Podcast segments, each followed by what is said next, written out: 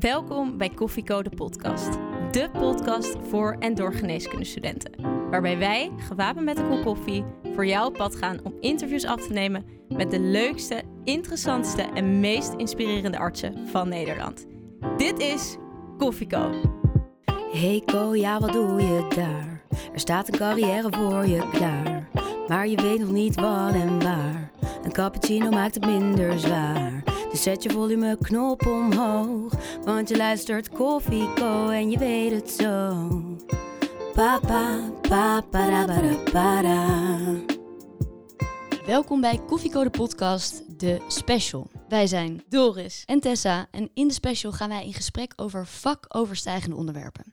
Deze keer praten wij over zin in zorg en hoe dat zo te houden. Wij hebben hiervoor twee artsen uitgenodigd die zich beide op hun eigen manier inzetten voor Zin in Zorg. En Zin in Zorg is een initiatief door de jonge specialist, de LAD, de LOVA en de VVA. Een hele mond vol. Aan tafel zit Ian Lijstikov, arts niet praktiserend en inspecteur bij de Inspectie van Gezondheidszorg. En daarnaast zit Eziel Garcia, een jonge dokter. Ze is basisarts, heeft wel al veel klinische ervaring en gaat binnenkort met de huisartsenopleiding beginnen. Jullie krijgen natuurlijk altijd een klapje, Ian en Sil. Geweldig dat jullie vandaag hier bij ons eh, aan tafel zitten. Dank jullie wel daarvoor. Allereerst een belangrijk stukje informatie. Beginnen met Ian. Hoe drink jij je koffie? Ja, ehm, sterk en zwart, net als mijn humor. Nou, dat zet de Ja. toon al direct. Eziel, ehm, mogen we voor jou dezelfde bestellen? Een flat white, daar maak je mij wel gelukkig mee. En je uit over je buik, je bent zwanger. Kun Ja, je dan ook klopt. koffie drinken of niet? Ik mag er één van mijn man en van mezelf mag ik ook één. Dus denk ik er twee per dag. Oké, voordat we met jullie de diepte ingaan, zijn wij als co-assistenten erg benieuwd hoe jullie zelf als co-assistenten waren. Ian, voor jou is het wat langer geleden dan voor eh Siel. Jij liep je kooschappen, als wij goed hebben teruggerekend, rond 1990. Wat is de herinnering die jou, 99. wat is de herinnering die jou nog het meeste bijstaat van jouw kooschappen in die tijd? Ja, ik, dat is natuurlijk niet goed om dat hier te zeggen, maar ik vond het eigenlijk niet zo leuk. Eh, ik vond het eh, best wel eh, geestdodend, eerlijk gezegd. Steeds op het krukje rechts achter zitten. En ja, als je een keer inbreng had, dan werd dat niet gewaardeerd. Dus, nou, daar hou je op een gegeven moment ook mee op. Maar ik heb wel hele leuke herinneringen ook. Ik had een briljante huisarts die waar kooschap liep, die tegen de patiënt zei... hou even uw andere oor dicht als ik in uw ene oor schijn, anders heb ik zo'n tegenlicht. dat soort humor, dat vond ik wel lachen. En eh, nou, wat me ook opviel, is, dan hadden we natuurlijk in de voorbespreking ook een beetje over dat, dat socialisatieproces dat tijdens die kooschap plaatsvindt. Dat er best wel wat collega's van mij eh, ja, heel erg meegingen met dingen waar ze zelf niet achter stonden. Dat baarde mij toen al zorgen. Heb je een voorbeeld? Nou, een voorbeeld was dat ik op een gegeven moment kooschap moest lopen bij de eh, kinder. En daar hadden ze nog een 36 uursdienst. En dat was al afgeschaft tegen die, in, in mijn tijd al. En toen ging ik naar de decaan. Ik zeg, joh, eh, ik moet daar en daarheen, 36 uursdienst. Eh, als ik dat weiger, sta je dan achter me? Staat u dan achter mij? Ja, ja, ja. Dus ik ging daarheen. En eh, mijn voorgangers, co-assistenten, durfden het allemaal niet te bespreken. Want allemaal moeilijk, moeilijk, moeilijk.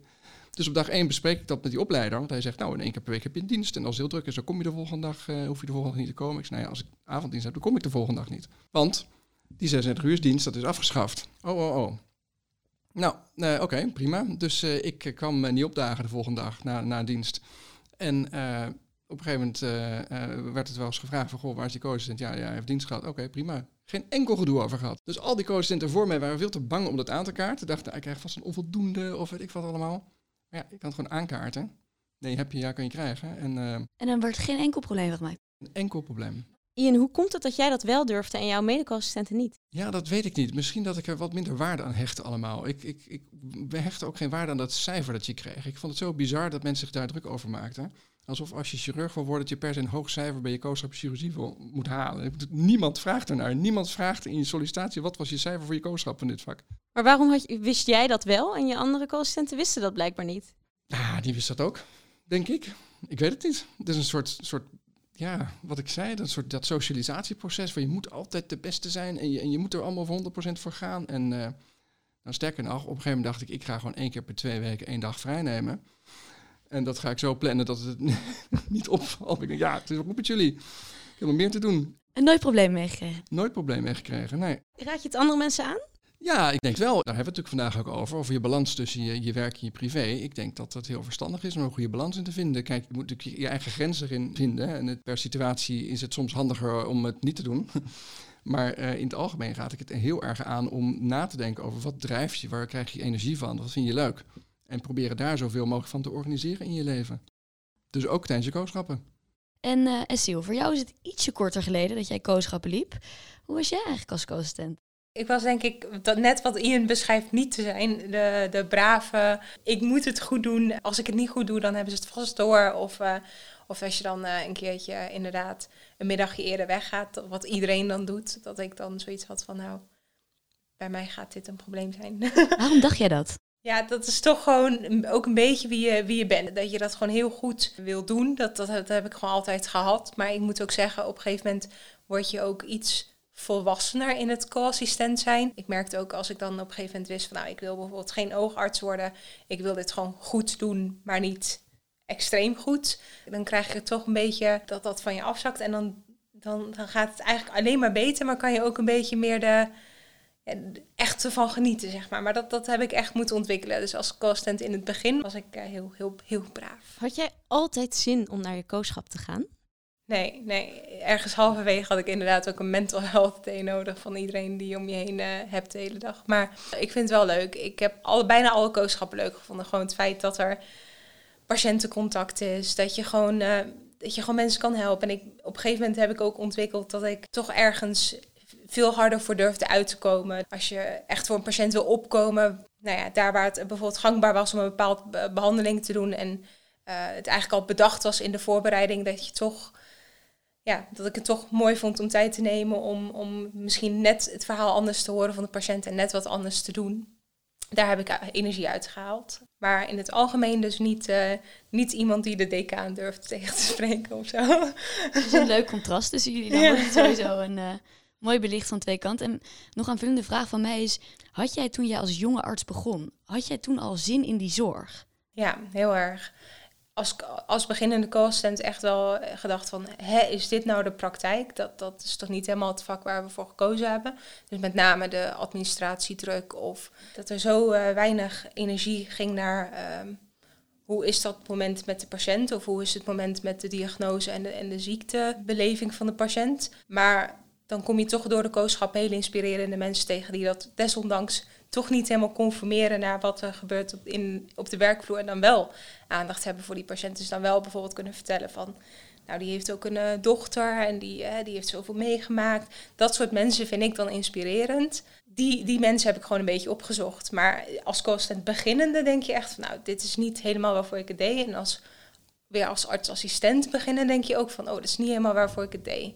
Dus toen ik uh, in mijn eerste week om acht uur nog steeds administratie aan het doen was... toen dacht ik dat, dat deed ik als co-assistent, deed ik ook al administratie. Moet ik al nou dat ik nu tot acht uur hier zit?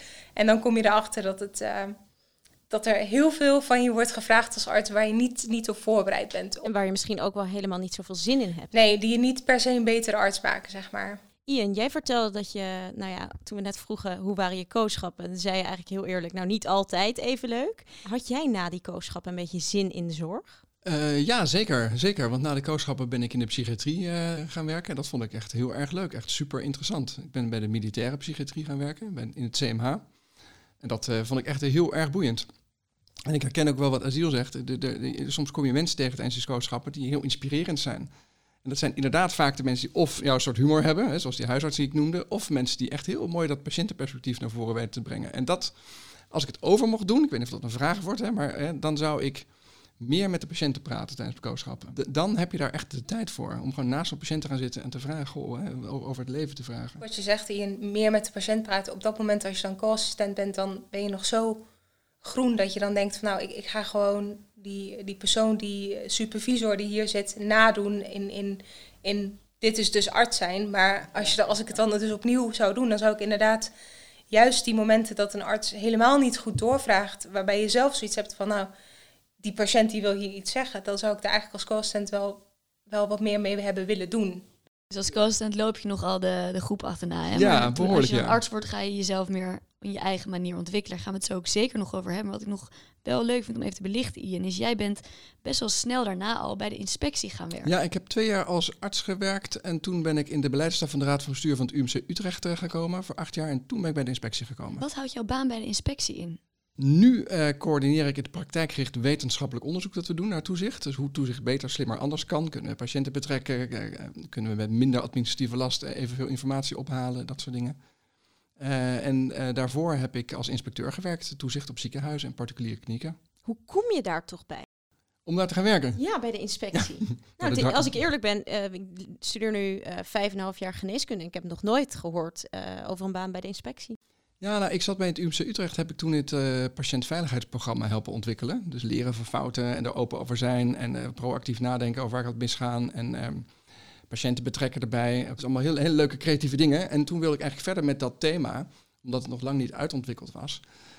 Ja, en dan is het heel leuk om bij de inspectie te gaan werken, want dan kan je het zelf doen, maar dan op landelijk niveau. En kijken, krijg ik nou meer zorginstellingen mee en hoe kunnen we zorgen dat toezicht ook gericht is op de dingen die ertoe doen. Omdat ik ook best wat kritiek had op de inspectie. Ik ja, je kan kritiek op ze hebben, maar je kan ook gaan werken en kijken of je aan kan bijdragen. En hoe kan jij bijvoorbeeld als iemand die lid is van de inspectie bijdragen aan thema zin in zorg? Dus hoe, wat voor rol heeft de inspectie daarbij? Ja, dat dus eh, de, de, de reden waarom de inspectie geïnteresseerd is in dit thema is eigenlijk de ehm, relatie tussen zorgverleners en hun, hun, hun welzijn aan de ene kant en aan de andere kant het welzijn van patiënten. Dus er is steeds meer onderzoek dat toch wel aantoont dat als de zorgverlener niet lekker in zijn vel zit, of haar vel, dus eh, klachten heeft die passen bij een burn-out of een depressie of wat dan ook, dat ze ook minder goede zorg leveren. En dat zie je echt op uitkomstmaten als, als infectie en sterfte en, en natuurlijk ook patiënttevredenheid. Dat is best een groot probleem dus. Ja, dat is best een groot probleem. En dus als, als toezichthouder eh, is het onze taak om niet alleen te kijken naar of de, de wetten, regels en, en, en eh, eh, normen worden nageleefd. Hè, dat wordt vaak gezegd, dat is een van onze hoofdtaken. Maar de andere taak is om te kijken waar zijn er nog meer risico's, waar nog geen wetten, regels en normen voor zijn. Waar de patiënt wel last van heeft. En kunnen we daar dan misschien beweging creëren? Dus in dit geval is het zo'n ingewikkeld onderwerp, dat zin in zorg. Het welzijn van dokters. Er is geen norm, er is geen wet voor die zegt, ja, je moet x procent tevreden zijn in je werk. Ehm, eh, de- niet iedereen ziet ook de relatie tussen eh, somber naar je werk gaan en slechte eh, patiëntenuitkomsten. Dus het is voor ons best een puzzel. Wat betekent dit nou? Niet iedereen ziet de relatie, maar het is blijkbaar wetenschappelijk onderbouwd dat er wel een kausaal verband is. Ja, Zou er volgens jou dan een wet moeten komen? nou, nee, ja, dat weet ik niet. Kijk, er is natuurlijk een arbeidstijdenwet.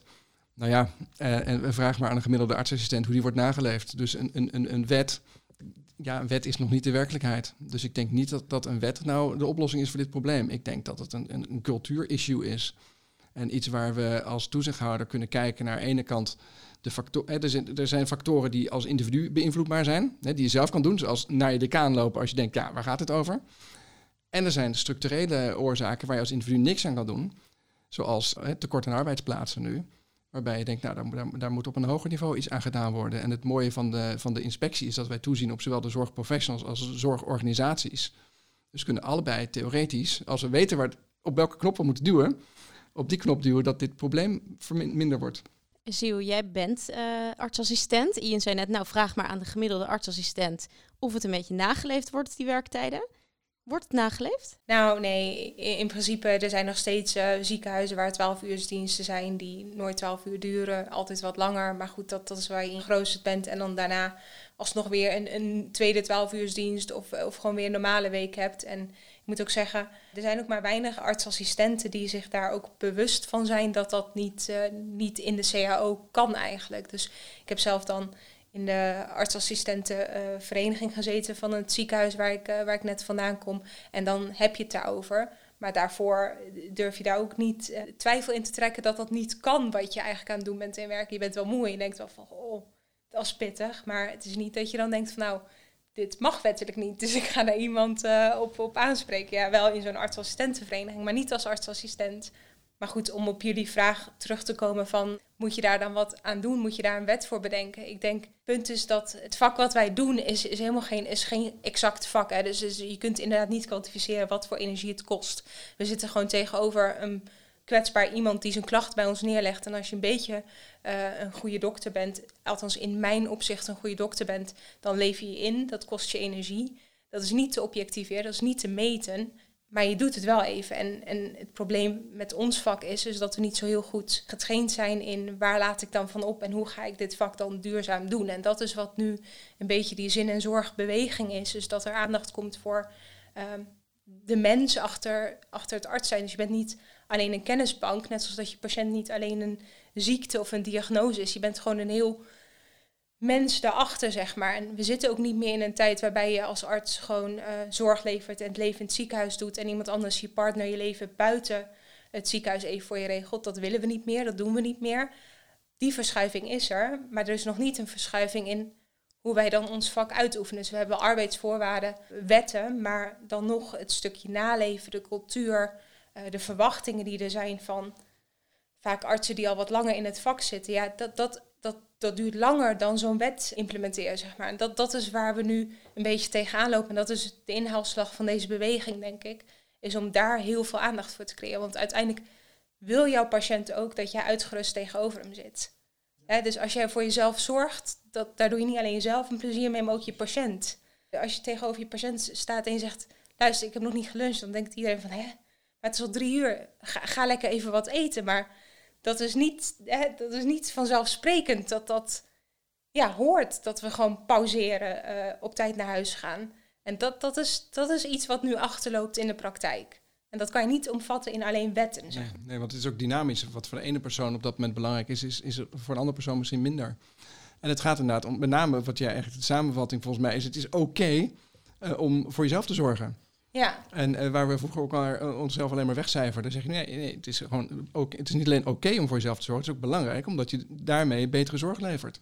Maar de, vaak heb je dus een, een praktijk waarbij je dus mensen hebt die heel erg bevlogen zijn, heel graag hun vak doen en ergens de misconceptie hebben ontwikkeld dat als ze maar harder blijven werken, dat ze dan meer voor de patiënt aan het doen zijn. Dat ze dan betere dokters zijn. Dus als ze niet pauzeren, inderdaad sneller doorgaan, toch die ene patiënt gaan zien, zodat hij niet langer hoeft te wachten, dat dat betere zorg is. Maar wat we eigenlijk gewoon buiten moeten krijgen, is dat iedereen weet wel dat hij voor zichzelf moet zorgen, maar de praktijk dient zich daar niet voor, zeg maar.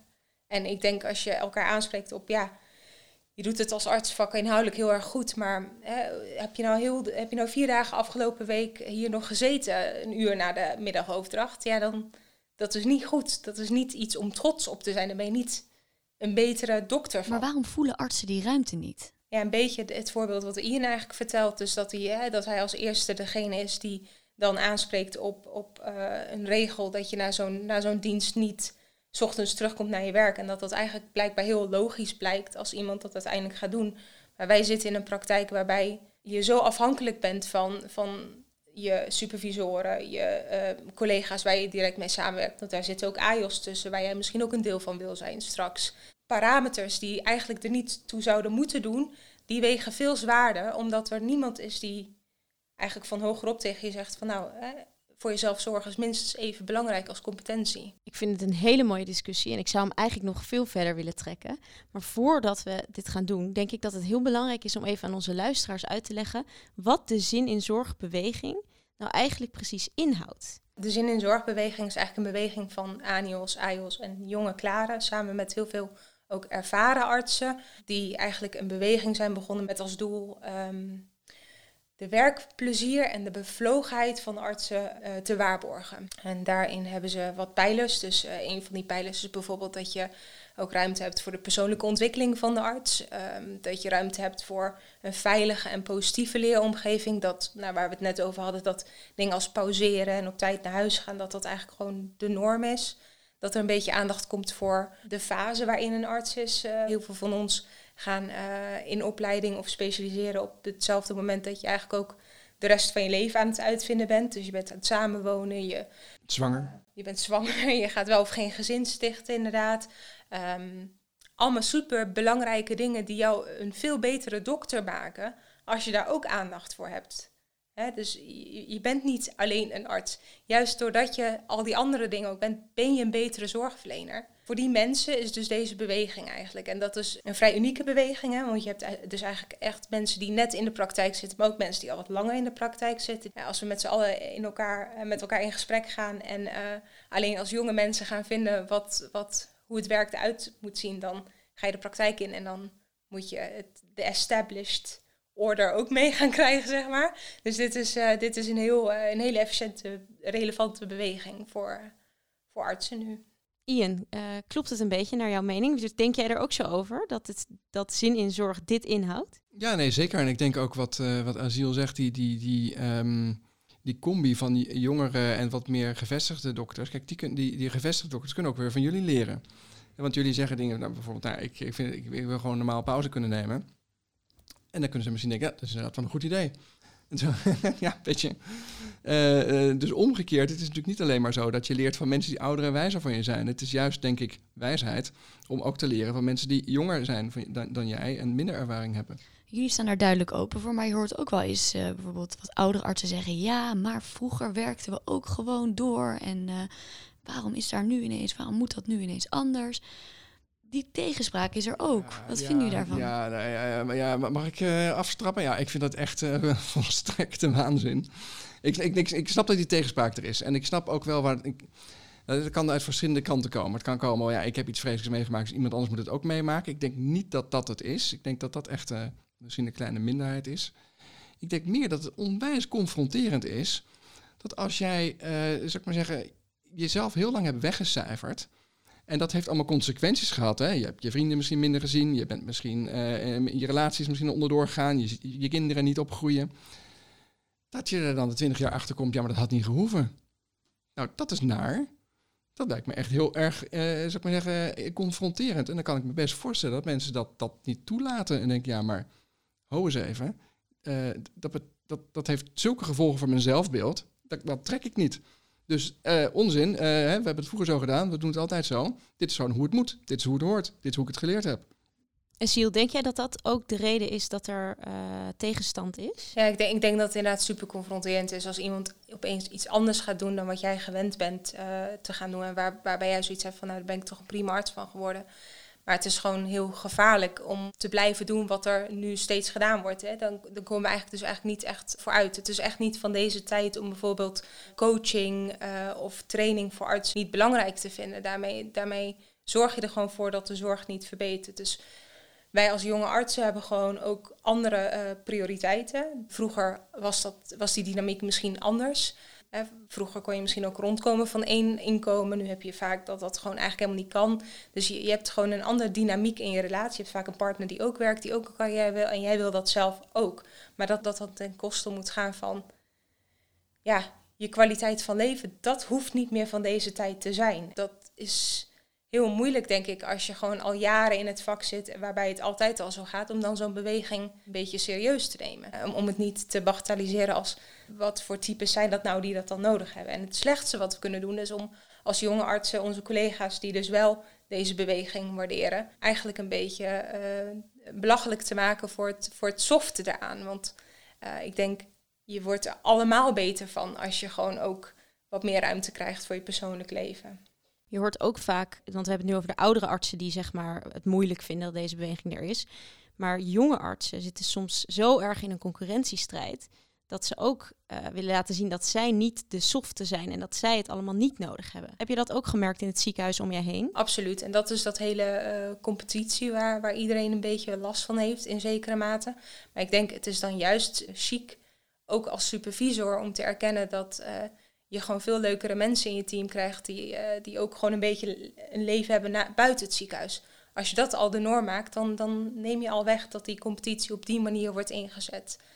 Dus het begint, het begint niet alleen bij de jonge uh, artsassistent of de jonge klaren, maar het, het is eigenlijk een, een, beweging die horizontaal getrokken moet worden. Dus ook de ervaren arts moet denken van ja, eigenlijk zelfs de maatschappij moet denken, ik wil een uitgeruste, duurzame uh, arts tegenover me hebben die ook een beetje gewoon ja, goed in haar vel zit, zodat ze beter ook voor mij zorgt. Die omslag is er nog niet gaat er hopelijk, hopen wij, wel komen. Maar waar zit volgens jullie de grootste hoorde in die nog genomen moet worden om dit, dit idee, dit concept ook daadwerkelijk in de praktijk te implementeren?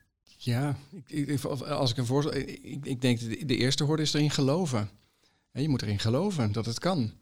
Uh, en ik denk dat het kan. Ik denk echt dat we op een andere manier met elkaar om kunnen gaan in de zorg. Als je er niet in gelooft, ja, dan, dan gaat het sowieso niks worden.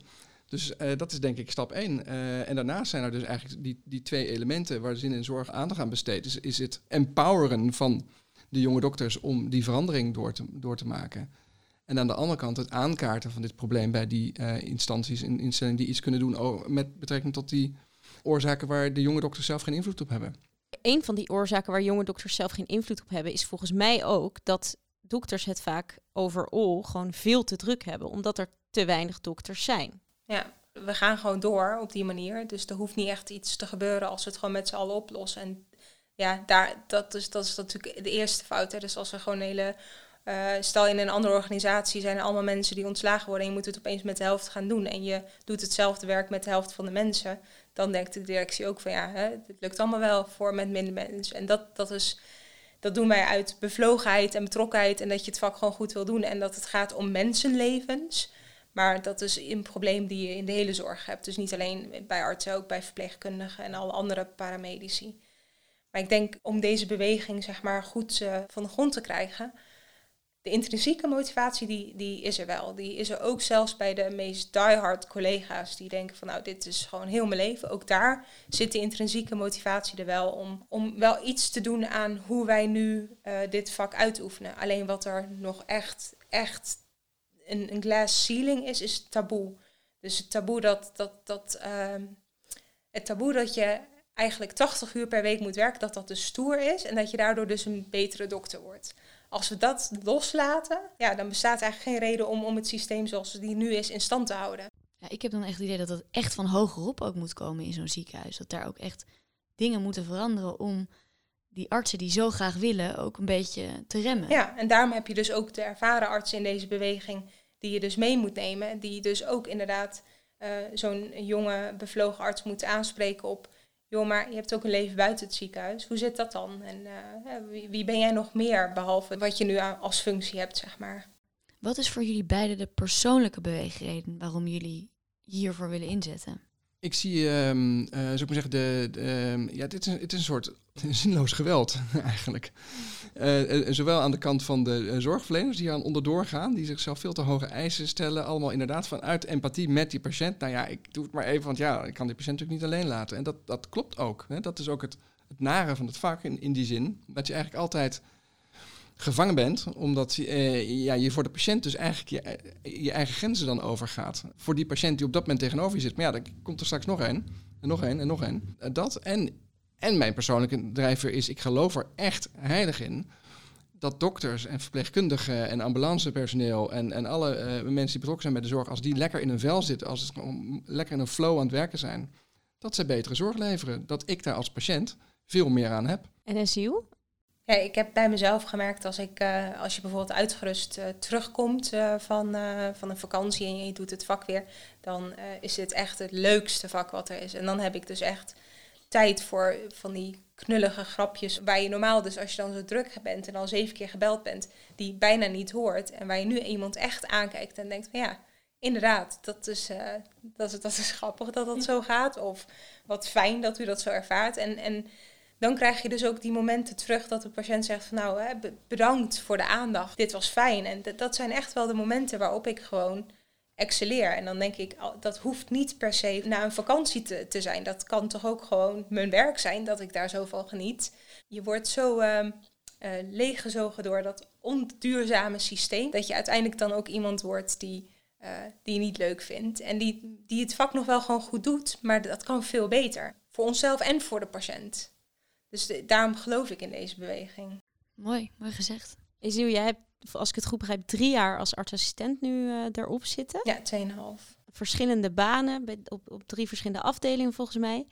En je vertelt nu eigenlijk dat, dat het jou dus wel is overkomen dat je op een gegeven moment ja, dat grapje niet meer hoorde. Ja, ik heb wel, ik merk heel goed het verschil tussen de Esiel die echt zin heeft in de dag en echt ook wel gewoon zoiets heeft van nou, dit is patiënt X en ik, ik wil gewoon echt dat hij weggaat met het gevoel geholpen te zijn, of in ieder geval verder gekomen te zijn. Daar doe ik dit vak voor. Vergeleken met Cecile die uh, eigenlijk al heel lang geleden naar het toilet had gemoeten, toch even had moeten eten, toch echt al uh, nou ja, een paar chagrijnige supervisoren aan de lijn heeft gehad. Ja, dan, dan word je gewoon een minder leuke variant van jezelf. En dat merken mensen wel. Nou, als ik mag aanvullen, je wordt niet alleen een minder leuke variant, maar de kans dat je fouten maakt is ook groter. En dat, uh, uh, dat is dat, dat halt-principe van uh, hungry, angry, late, tired. Als je hungry, angry, late of tired bent, dan moet je halt, moet je even stoppen, omdat de kans dat je dan fouten maakt groter is. En um, ja, dit, dit is een van de vele eh, lessen die ik geleerd heb van patiëntveiligheidscongressen waar ik geweest ben en zo. En, ehm, en dat is ook een van, dat is ook zo'n thema. Omdat ik niet meer in de kliniek werkzaam ben geweest en me heb ontwikkeld in, op patiëntveiligheidsgebied, heb ik heel veel inspirerende mensen mogen ontmoeten die allemaal van dit soort dingen verteld hebben. Want ik dacht, ja, maar als ik dit geweten had in de kliniek, dan had ik het echt anders aangepakt. En als iemand jou vertelt dat, joh, weet je, als jij hongerig gelaat of moet plassen of ja, dan, dan, dan ga je fouten maken. Dus stop even op dat moment. Kijk even of je het kan oplossen. En ga daarna verder met, je, met wat je aan het doen bent. Ja, dan, dan zit je beter in je vel en je levert betere zorg. Maar Ian, daar schrik ik wel heel erg van. Want als ik kijk naar uh, een gemiddelde poli, de wachtkamer zit vol en de dokters altijd te laat met de patiënt binnenroepen. Want bijna altijd is het, is het spreker uitgelopen. Dus je kan toch niet halt roepen eh, elke dag maar weer? Of hoe nou zie je dat verkeerd? Ik denk dat laat zijn ook een beleving is. Hè? Ik denk niet dat al die dokters zich ook beleven als zijnde ik ben vertraagd. Ik denk dat je daar ook meer leert omgaan. Ja. Ehm, maar ik denk inderdaad dat als jij onomkeerbare beslissing moet nemen van ja, ik ga nu opereren of niet, of ik ga nu met de chemo starten, of ik ga nu deze, deze patiënt uh, op basis van deze diagnostiek zeggen dat hij uh, twee maanden te leven heeft.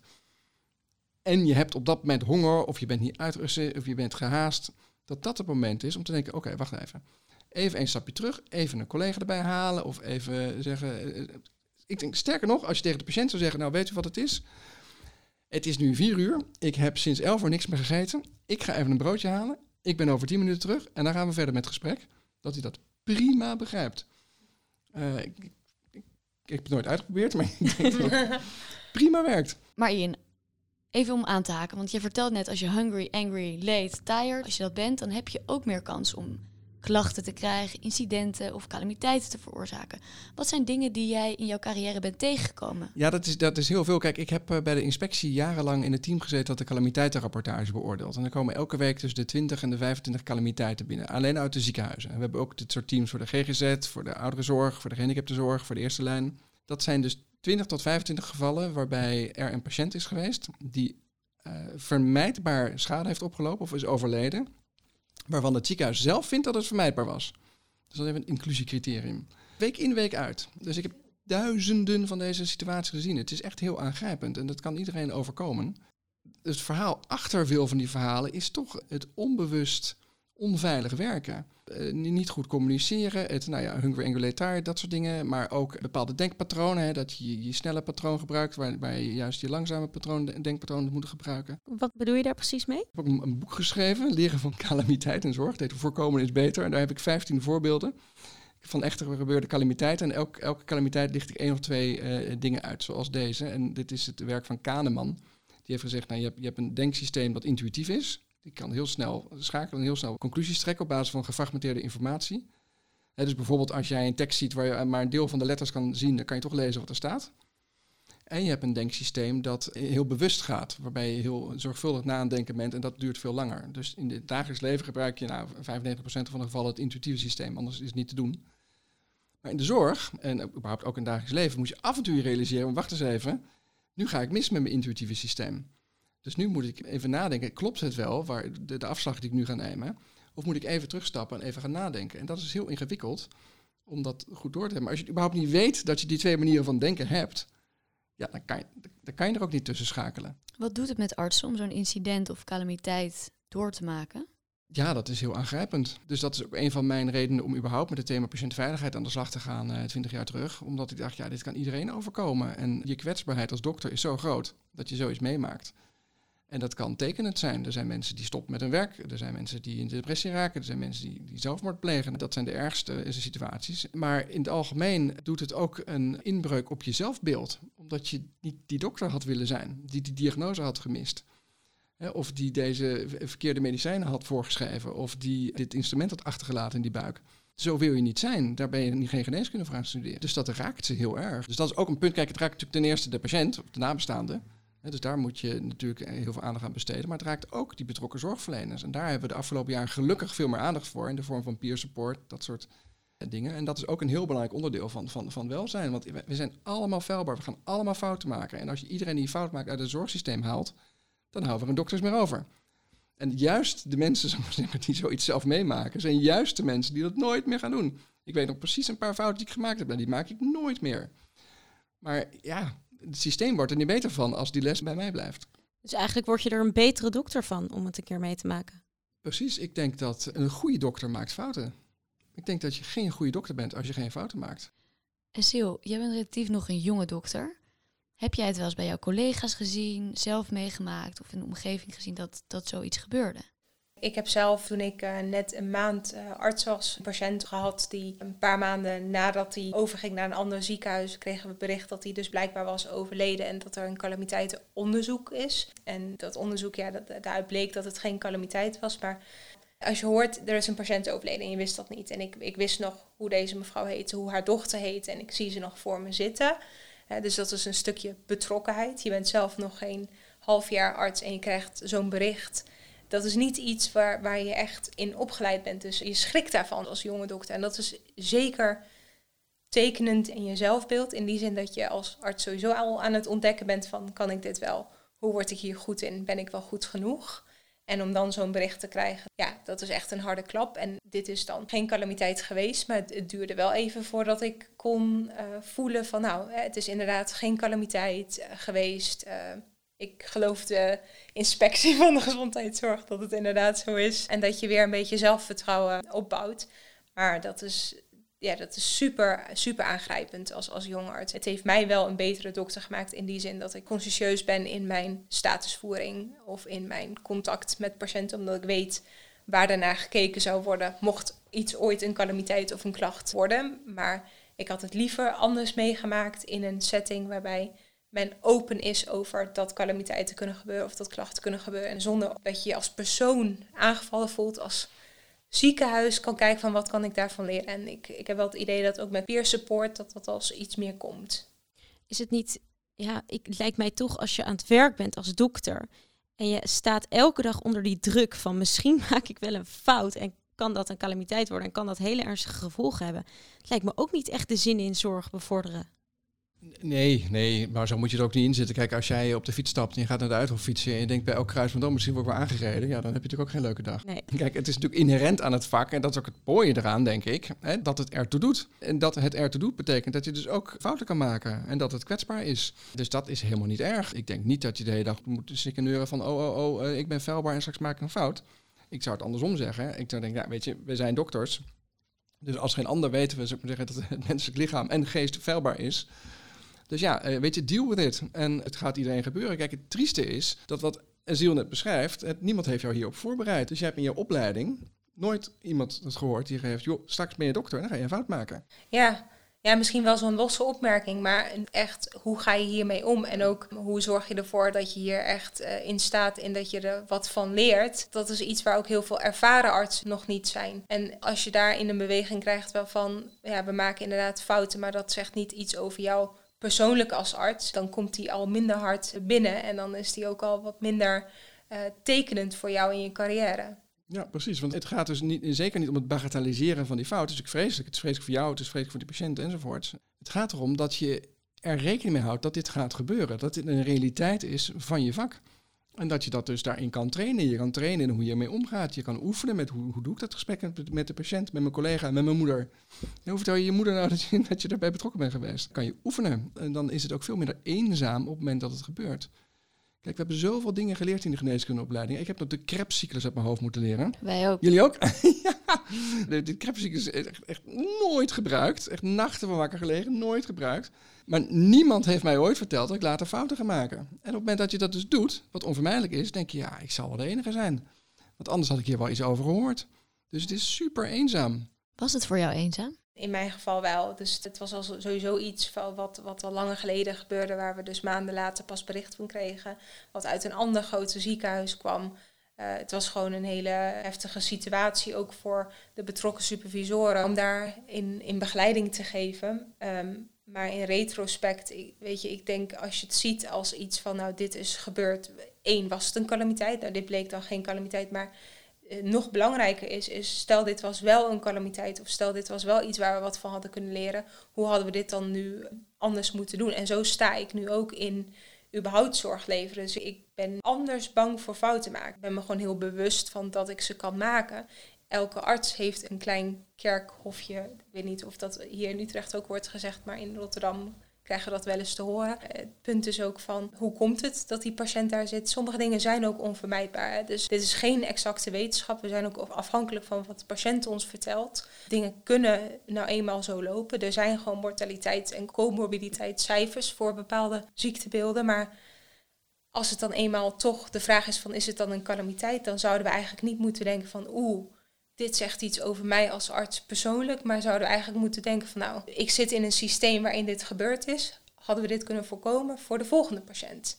Heeft het invloed gehad op jouw zin in zorg? Wel eventjes. Ja, dus als je het zo graag goed wil doen en zo graag wil zorgen voor uh, mensen. En dan juist ook deze patiënt was een van mijn eerste patiënten waarbij ik dacht van nou, Kantje Bord, die is op tijd naar de academie gegaan. En om dan dus maanden later te horen dat dat dus niet goed was gegaan in de academie uiteindelijk. En dat die er dus niet meer is. Ja, het liefst was ik ook de arts geweest die dus haar dochter had gebeld van goh, gecondoleerd. Daarin voelde ik me al eh, zorg geleverd hebbende die niet uh, bij mij past. Maar ja, het, het, heeft wel even weer geduurd voordat ik uh, dacht van nou, ik, ik hoef niet alles weer twee of drie keer te controleren. Want het, ja, ik mag vertrouwen op dat ik, daar, dat ik dat goed gehoord heb.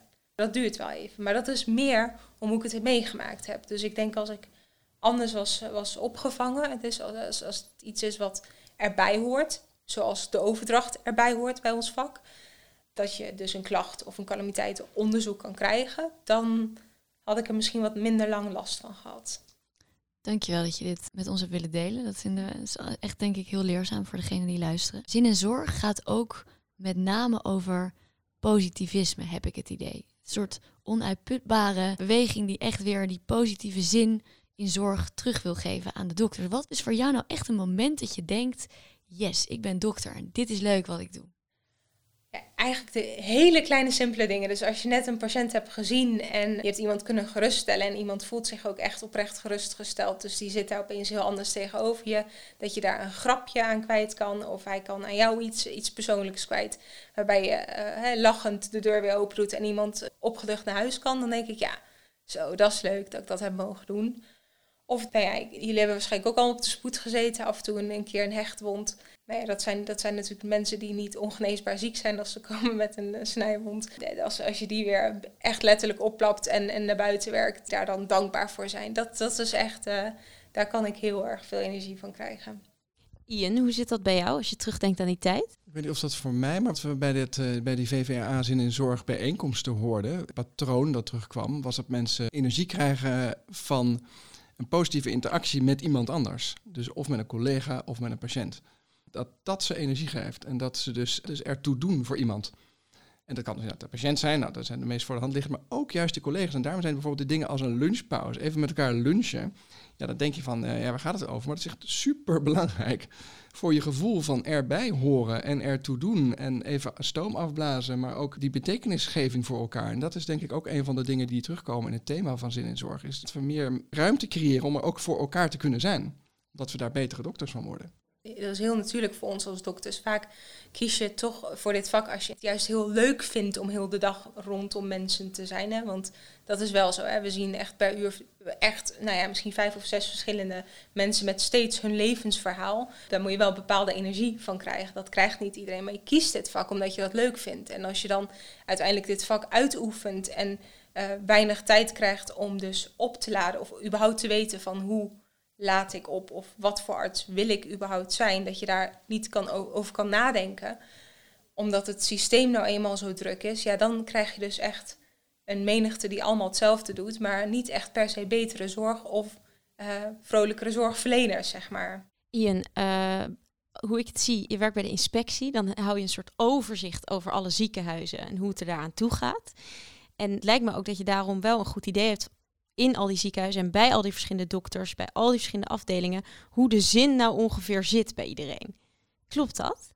Ik denk dat mijn uh, collega's die accounthouder zijn van ziekenhuis dat wel goed kunnen inschatten ja, per ziekenhuis. Voor mij is het weer een, een, tandje er verder vanaf. Maar dat geldt dus voor de ziekenhuizen, maar ook voor de ouderenzorginstellingen en voor de gehandicaptenzorginstellingen. Uh, want we hebben nu veel over ziekenhuizen, maar er zijn ook heel veel dokters die in andere settingen gaan werken.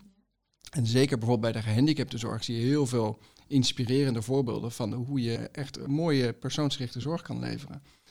Dus die zijn er ook in ziekenhuizen. En ja, dat is wel een van de leuke dingen van bij de inspectie werken, inderdaad. Is dat je ook contact komt met allemaal mensen die heel erg bevlogen en geïnspireerd over hun werk willen praten. Jij werkt bij de inspectie. Houden jullie ook maar op enige manier rekening met de zin in zorg of met de staat waarin de zorgverlener was op het moment dat er bijvoorbeeld iets fout ging? Ja, dat is, dat, dat is moeilijk om concreet te zien. Hè? Want niemand zal in een calamiteitenrapportage schrijven van ja, ik had er eigenlijk helemaal niet zoveel zin in die dag. Of uh, ik was doodop, want mijn kind uh, lag de hele avond te huilen. Omdat mensen dan denken dat ze dan de schuld gaan krijgen.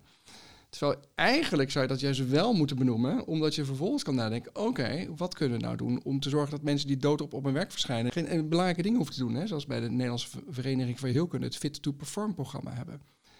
Als inspecteur leren we wel om tussen de regels te lezen. Dus je leest wel eens tussen regels als er ergens een beetje vaag wordt gedaan over iets. Dat je denkt, oké, daar is kennelijk iets wat ze niet helemaal willen opschrijven. Dus daar is mogelijk wat meer aan de hand. En dan zullen we wel het gesprek aangaan. Onze gesprekspartner is meestal de bestuurder. Dan gaan we met de directeur van het ziekenhuis praten en vragen, joh, hè, misschien zit dat naast, maar hier lijkt toch iets meer te spelen. En klopt dat? En vaak blijkt dat dan ook wel zo te zijn. En zijn er toch wel problemen in de samenwerking of cultuurproblemen die, die eronder liggen. En ja, waar, dan, waar we dan wel aandacht aan besteden. Kijk, je kan het probleem dan wel identificeren, maar wordt er dan ook daadwerkelijk iets mee gedaan? Ja, zeker. Dat is ingewikkeld. Dat noemen we dan soft signals. Dus als er iets niet helemaal deugt, niet helemaal klopt, dat je een soort ja, niet-pluisgevoel voor hebt. Wat de dokters een niet-pluisgevoel hebben, hebben we als inspecteur natuurlijk ook. Daar letten we de afgelopen jaren steeds meer op, ja. En Sue en Ian, jullie hebben heel veel meegemaakt als arts zijnde en als arts niet praktiserend bij de inspectie. Zijn jullie nog een beetje positief over de zin in zorg? Ja, absoluut. Ik, ik weet niet of het is omdat ik nog uh, lang te gaan heb in mijn carrière. Maar dus dat het een soort van zelfbescherming is om er nog wel zin in te hebben. Maar weet je, er is geen enkel vak wat zo leuk is als zorg leveren aan, aan mensen. En dan heb ik niet alleen over arts zijn, maar ook bijvoorbeeld verpleegkundige of gewoon überhaupt kunnen zorgen voor mensen is, is een heel bijzondere manier van tijdsbesteding. Het geeft direct ook voldoening. Het is je, je manier om, uh, om in leven te blijven, om je rekeningen te betalen. Uh, het is uh, dagbesteding, maar het is ook echt super veel voldoening en zingeving in één. En als dat dan allemaal je beroep is, dat is een super bijzonder, bijzondere manier om je leven, om je werkend leven door te brengen. Dus ik, ik zou nooit iets anders willen doen dan dit vak. Uh, maar ik weet ook echt zeker dat dit zoveel beter kan met de nieuwe inzichten die we hebben over wat maakt een mens nou gelukkig. En dat is iets waarin ik nog wel denk mee te maken in mijn carrière dat dat gelukt is. Nou, dat vind ik een hele positieve en optimistische insteek. Wij hopen ook dat dat gaat gebeuren. Geldt dat ook voor jou, Ian, datzelfde positivisme? Uh, ja, zeker, zeker. Ik pak even het blaadje erbij, want hier staat dus waar de jonge dokters uiteindelijk voor gekozen hebben, waar, waar ze met zin en zorg aan de slag willen. Hè. Dus ze zeggen, nou, wij jonge artsen gaan voor meer inspraak en voor betere personele ondersteuning van ons werk. Wij jonge artsen gaan voor meer ruimte voor persoonlijke ontwikkeling in ons werk. Wij jonge artsen gaan ons hard maken voor proactiever en aandachtiger personeelsbeleid. En een positieve hervorming van de werkcultuur. Ja, ik word er allemaal heel erg warm van. Ik denk dat het echt ergens over gaat. En dat het mogelijk is. Maar het zijn nu nog zinnen op papier. Hoe gaan ze dit ook daadwerkelijk in de praktijk brengen? Sorry, kritische vraag. Nee, dat is een heel terechte vraag, tuurlijk. Nee, dus er komen werkgroepen nu en er komen mensen, zou ik maar zeggen, die ambassadeur worden. En vanuit de VVA wordt het allemaal gecoördineerd om hier heel concreet mee aan de slag te gaan. Wat de Zin in Zorgbeweging gaat doen, is vanaf april tot oktober, ongeveer zes maanden, zijn er uh, een viertal ambassadeurs die inderdaad heel concreet gaan zoeken naar hoe gaan we dan per pijler de praktijk inbrengen. En dat is dus heel concreet. En uh, ergens in november dit jaar gaan we kijken wat daar dan uit is gekomen. Voordat we helemaal gaan afsluiten, hebben we nog een soort toetje voor jullie. Het heet Wat als. En dan krijg je een vraag, die mag je interpreteren op je eigen manier. Wat als je een zak geld zou hebben om de zin in zorg te vergroten? Ik zou dan inderdaad kijken naar het financieringssysteem en zorgen dat je meer mensen op dezelfde taken uh, bezig zet. Zodat meer mensen, hè, dat je evenveel werk hebt, maar dan met meer mensen, waardoor je minder werk per persoon hoeft te doen. Is dat niet sowieso gewoon een, een goede oplossing? Ja. Volgens mij is dat sowieso wel. Nou, het grootste deel van het probleem komt daar vandaan, toch? Nou ja, ik denk dat het een symptoom is van iets anders. Vertel. Nou ja, dat, dat weet ik niet zo heel goed wat daaronder ligt. Maar er is natuurlijk een reden waarom mensen, eh, zou ik maar zeggen, hun maatschappen niet uitbreiden. Of hun vakgroepen niet uitbreiden. Of toch eh, tientallen patiënten per, per dag op de podium blijven plannen. Ja, dat is die zak geld. Ja, ik weet niet of dat alleen die zak geld is. Ik weet niet of mensen het alleen maar voor, hun, voor het geld doen. Volgens mij denken mensen ook dat ze gevangen zijn in bepaalde, uh, nou, bijvoorbeeld de benchmarking. Dat is ook zoiets. Wat is dat? De dokters benchmarken elkaar op productie. En dan heb je dus, zou ik maar zeggen, de helft zit onder de benchmark en de andere helft zit boven de benchmark. En die onder de benchmark zitten, die worden dus opgepoord om een productie op te schroeven naar de benchmark. Maar ja, eh, als je per definitie de helft eronder zit, dan ben je dus de hele tijd die benchmark omhoog aan het schroeven. Dus dan ga je elk jaar moet je harder werken om bij die benchmark te komen. Ja, ik vind dat een waanzinnig slecht idee. In de zin van, nou, als je echt mensen over de kling wil jagen, moet je, moet je dit invoeren. Wat als je één ding in de zorg zou mogen veranderen? Ja, dan, dan zou het toch de hiërarchie zijn. En dan heb ik het niet over de functionele hiërarchie, maar echt over de dysfunctionele hiërarchie eigenlijk. Dus de, het klein gehouden worden omdat je maar net in het vak bent begonnen. Dus als artsassistent ben je op een leeftijd waarop je best wel wat ervaring al in het leven hebt. Je mag een hypotheek afsluiten, je mag een kind krijgen, je mag heel veel grote mensenkeuzes maken, maar dan loop je het ziekenhuis in, heb je wel je witte jas aan, heb je al je verantwoordelijkheden die je als arts op je bord krijgt. Maar vervolgens word je toch door je wat meer ervaren collega's of überhaupt je directe collega's, die dan misschien AIOS zijn in plaats van ANIOS, een beetje klein gehouden soms. En ja, dat werkt het hele systeem tegen. Dat is echt niet van deze tijd. Hele mooie observatie. Dan zijn we nu aangekomen bij echt het allerlaatste gedeelte van dit interview. Jullie persoonlijke tips voor de jonge dokters die luisteren. Jullie hebben al heel veel mooie dingen gezegd, maar wij zijn toch wel benieuwd, wat is nou jullie gouden tip? Ian, mag ik bij jou beginnen? Ja, mijn gouden tip is uh, bewaak je eigen grenzen. Dus wees je bewust waar je energie van krijgt en waar je geen energie van krijgt. Wat je niet trekt, zou ik maar zeggen. en bewaak dat, uh, want je bent de enige die dat zal doen uiteindelijk. Mijn gouden tip zou zijn: weet wie je bent en durf daarvoor uit te komen. Dus uh, als jij iemand bent die geniet van mooie reizen maken, maak die mooie reizen en vertel daarover. Wees gewoon echt wie je bent in het vak wat je uitoefent. Want als je dat niet bent, dan kom je uiteindelijk ergens waar je eigenlijk helemaal niet terecht wil komen. En dan ben je misschien wel degene die in zijn vijfde jaar van zijn specialisatie zit en zichzelf niet meer herkent en daarom moet stoppen. En dat is zonde. Dat is onethisch naar jezelf toe en naar het hele systeem. Dus weet wie je bent en kom daarvoor uit. Durf dat te vertellen. Dank jullie wel voor jullie komst. Jullie hebben een ontzettend mooi pleidooi gegeven over waarom zin in zorg zo belangrijk is. En als beweging van zin in zorg zetten jullie een aantal hele belangrijke punten hè, op de agenda. Hebben we net al genoemd. Meer tijd voor persoonlijke ontwikkeling, meer betrokkenheid bij organisatie van eigen werk, cultuur creëren waarin overwerken niet langer de norm is, maar ook meer aandacht voor de levensfase waarin jonge artsen zich bevinden. Ik vind het vier toppijlers. Ik hoop dat er heel veel mee gedaan wordt. Dank jullie wel dat jullie er waren. En luisteraars, jullie ontzettend bedankt voor het luisteren. Tot de volgende keer bij Koffiecode Podcast. Pa, pa, pa,